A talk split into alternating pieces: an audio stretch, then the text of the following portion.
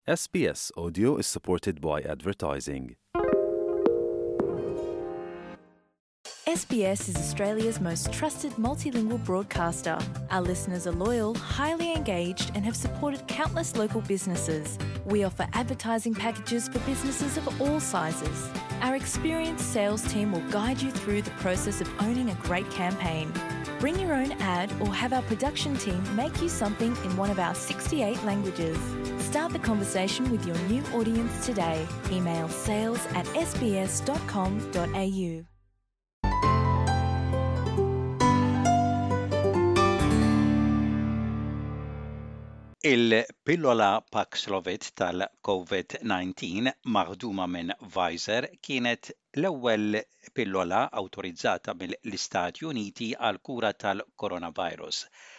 Imma mindu kienet approvata kien hemm ħafna mistoqsijiet għaliex qed jittieħed daqshekk żmien biex il-pillola tkun immanifatturata u tkun tista' tinkiseb aktar faċli.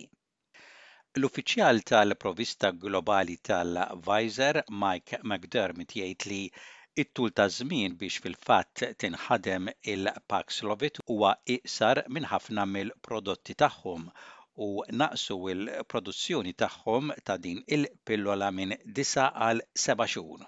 we think about the process to make uh, Paxlovid, uh, end to end, it's uh, had been almost a nine month process. We've brought that down to about seven months right now, which seems longer than uh, the experience that we had and people know about uh, the vaccine, which is very rapid production.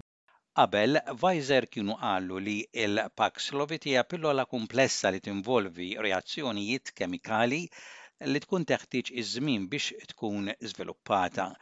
Il-Professur Peter Collingan huwa fiżiċista tal-mard infettiv fl-Isptar ta' Canberra. Meta tkellem ma' l-SBS huwa qal li ż-żmien li qed tieħu biex tkun żviluppata din il-pillola huwa mistenni minħabba li hija pillola kumplessa u jrid ikun hemm kontroll biex ikun żgurat li tkun effettiva. Well, I think it is a, a, relatively complex new drug because it's similar to uh, an anti HIV drug um, called uh, protease inhibitors. So it is more complex. But whenever you've got new drugs, it takes a while to get enough plants manufacturing at, at high levels and also having appropriate quality control to make sure the drugs are effective. Waqt li ż-żmien biex issir il-pillola huwa normali, xi wħud qegħdin jistaqsu jekk il-provista hix se tkun biżżejjed. Il-Gvern Amerikan iqassam il-Paxlovid kull tieni ġimgħa. Il-Professur Collingan jgħid li x'aktarx ikun hemm skarsezza tal-pillola madwar id-dinja. I presume Pfizer is just doing this themselves. Um, I presume currently in factories they've got in the US. And in the US, for instance, there's a shortage of this drug. Um, there's been relatively not that many doses um, given to the US government, who's contracted something like 20 million doses. And a lot of those doses aren't even going to arrive, you know, until maybe, you know, later this year.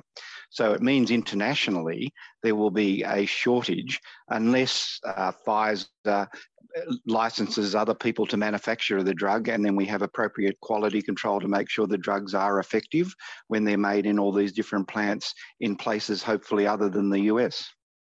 Skont Mike McDermott sa nofs din is-sena, ikun hemm biżejjed Paxlovid għal dawk il-pazjenti f'periklu mill-COVID li jkollhom bżonna mhux biss fl-Istati Uniti imma madwar id-dinja.